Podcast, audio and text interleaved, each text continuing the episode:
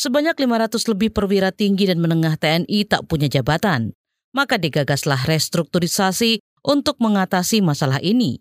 Alih-alih mendapat dukungan rencana ini menuai kritik karena seperti mengembalikan dwi fungsi yang dulu mengebiri peran sipil. Kita simak laporannya bersama Danang Wardoyo. Wakil Komisi 1 DPR RI Hanafi Rais khawatir restrukturisasi TNI dapat mengganggu profesionalisme militer. Menurutnya, rencana menempatkan perwira aktif TNI ke jabatan sipil di kementerian atau lembaga bisa menyebabkan dualisme.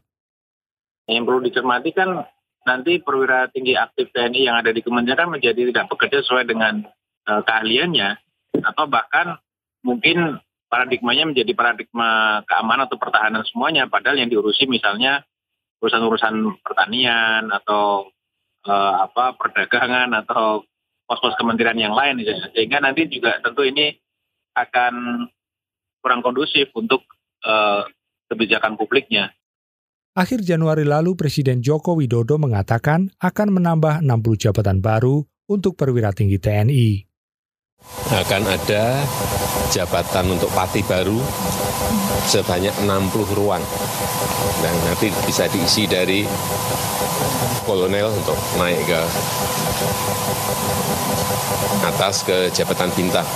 Jadi ada 60 jabatan bintang baik 1, 2, dan 3. Ya. Kata Panglima TNI Hadi Cahyanto, 60 jabatan itu sudah ada sebelumnya. Sebetulnya itu sudah di eh, ada dasarnya adalah peraturan presiden ya.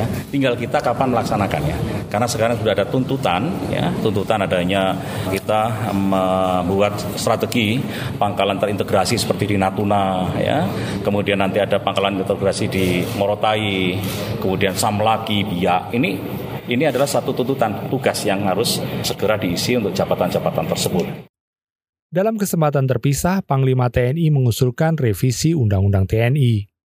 Revisi dimaksudkan agar jabatan di lembaga atau kementerian bisa diisi TNI aktif.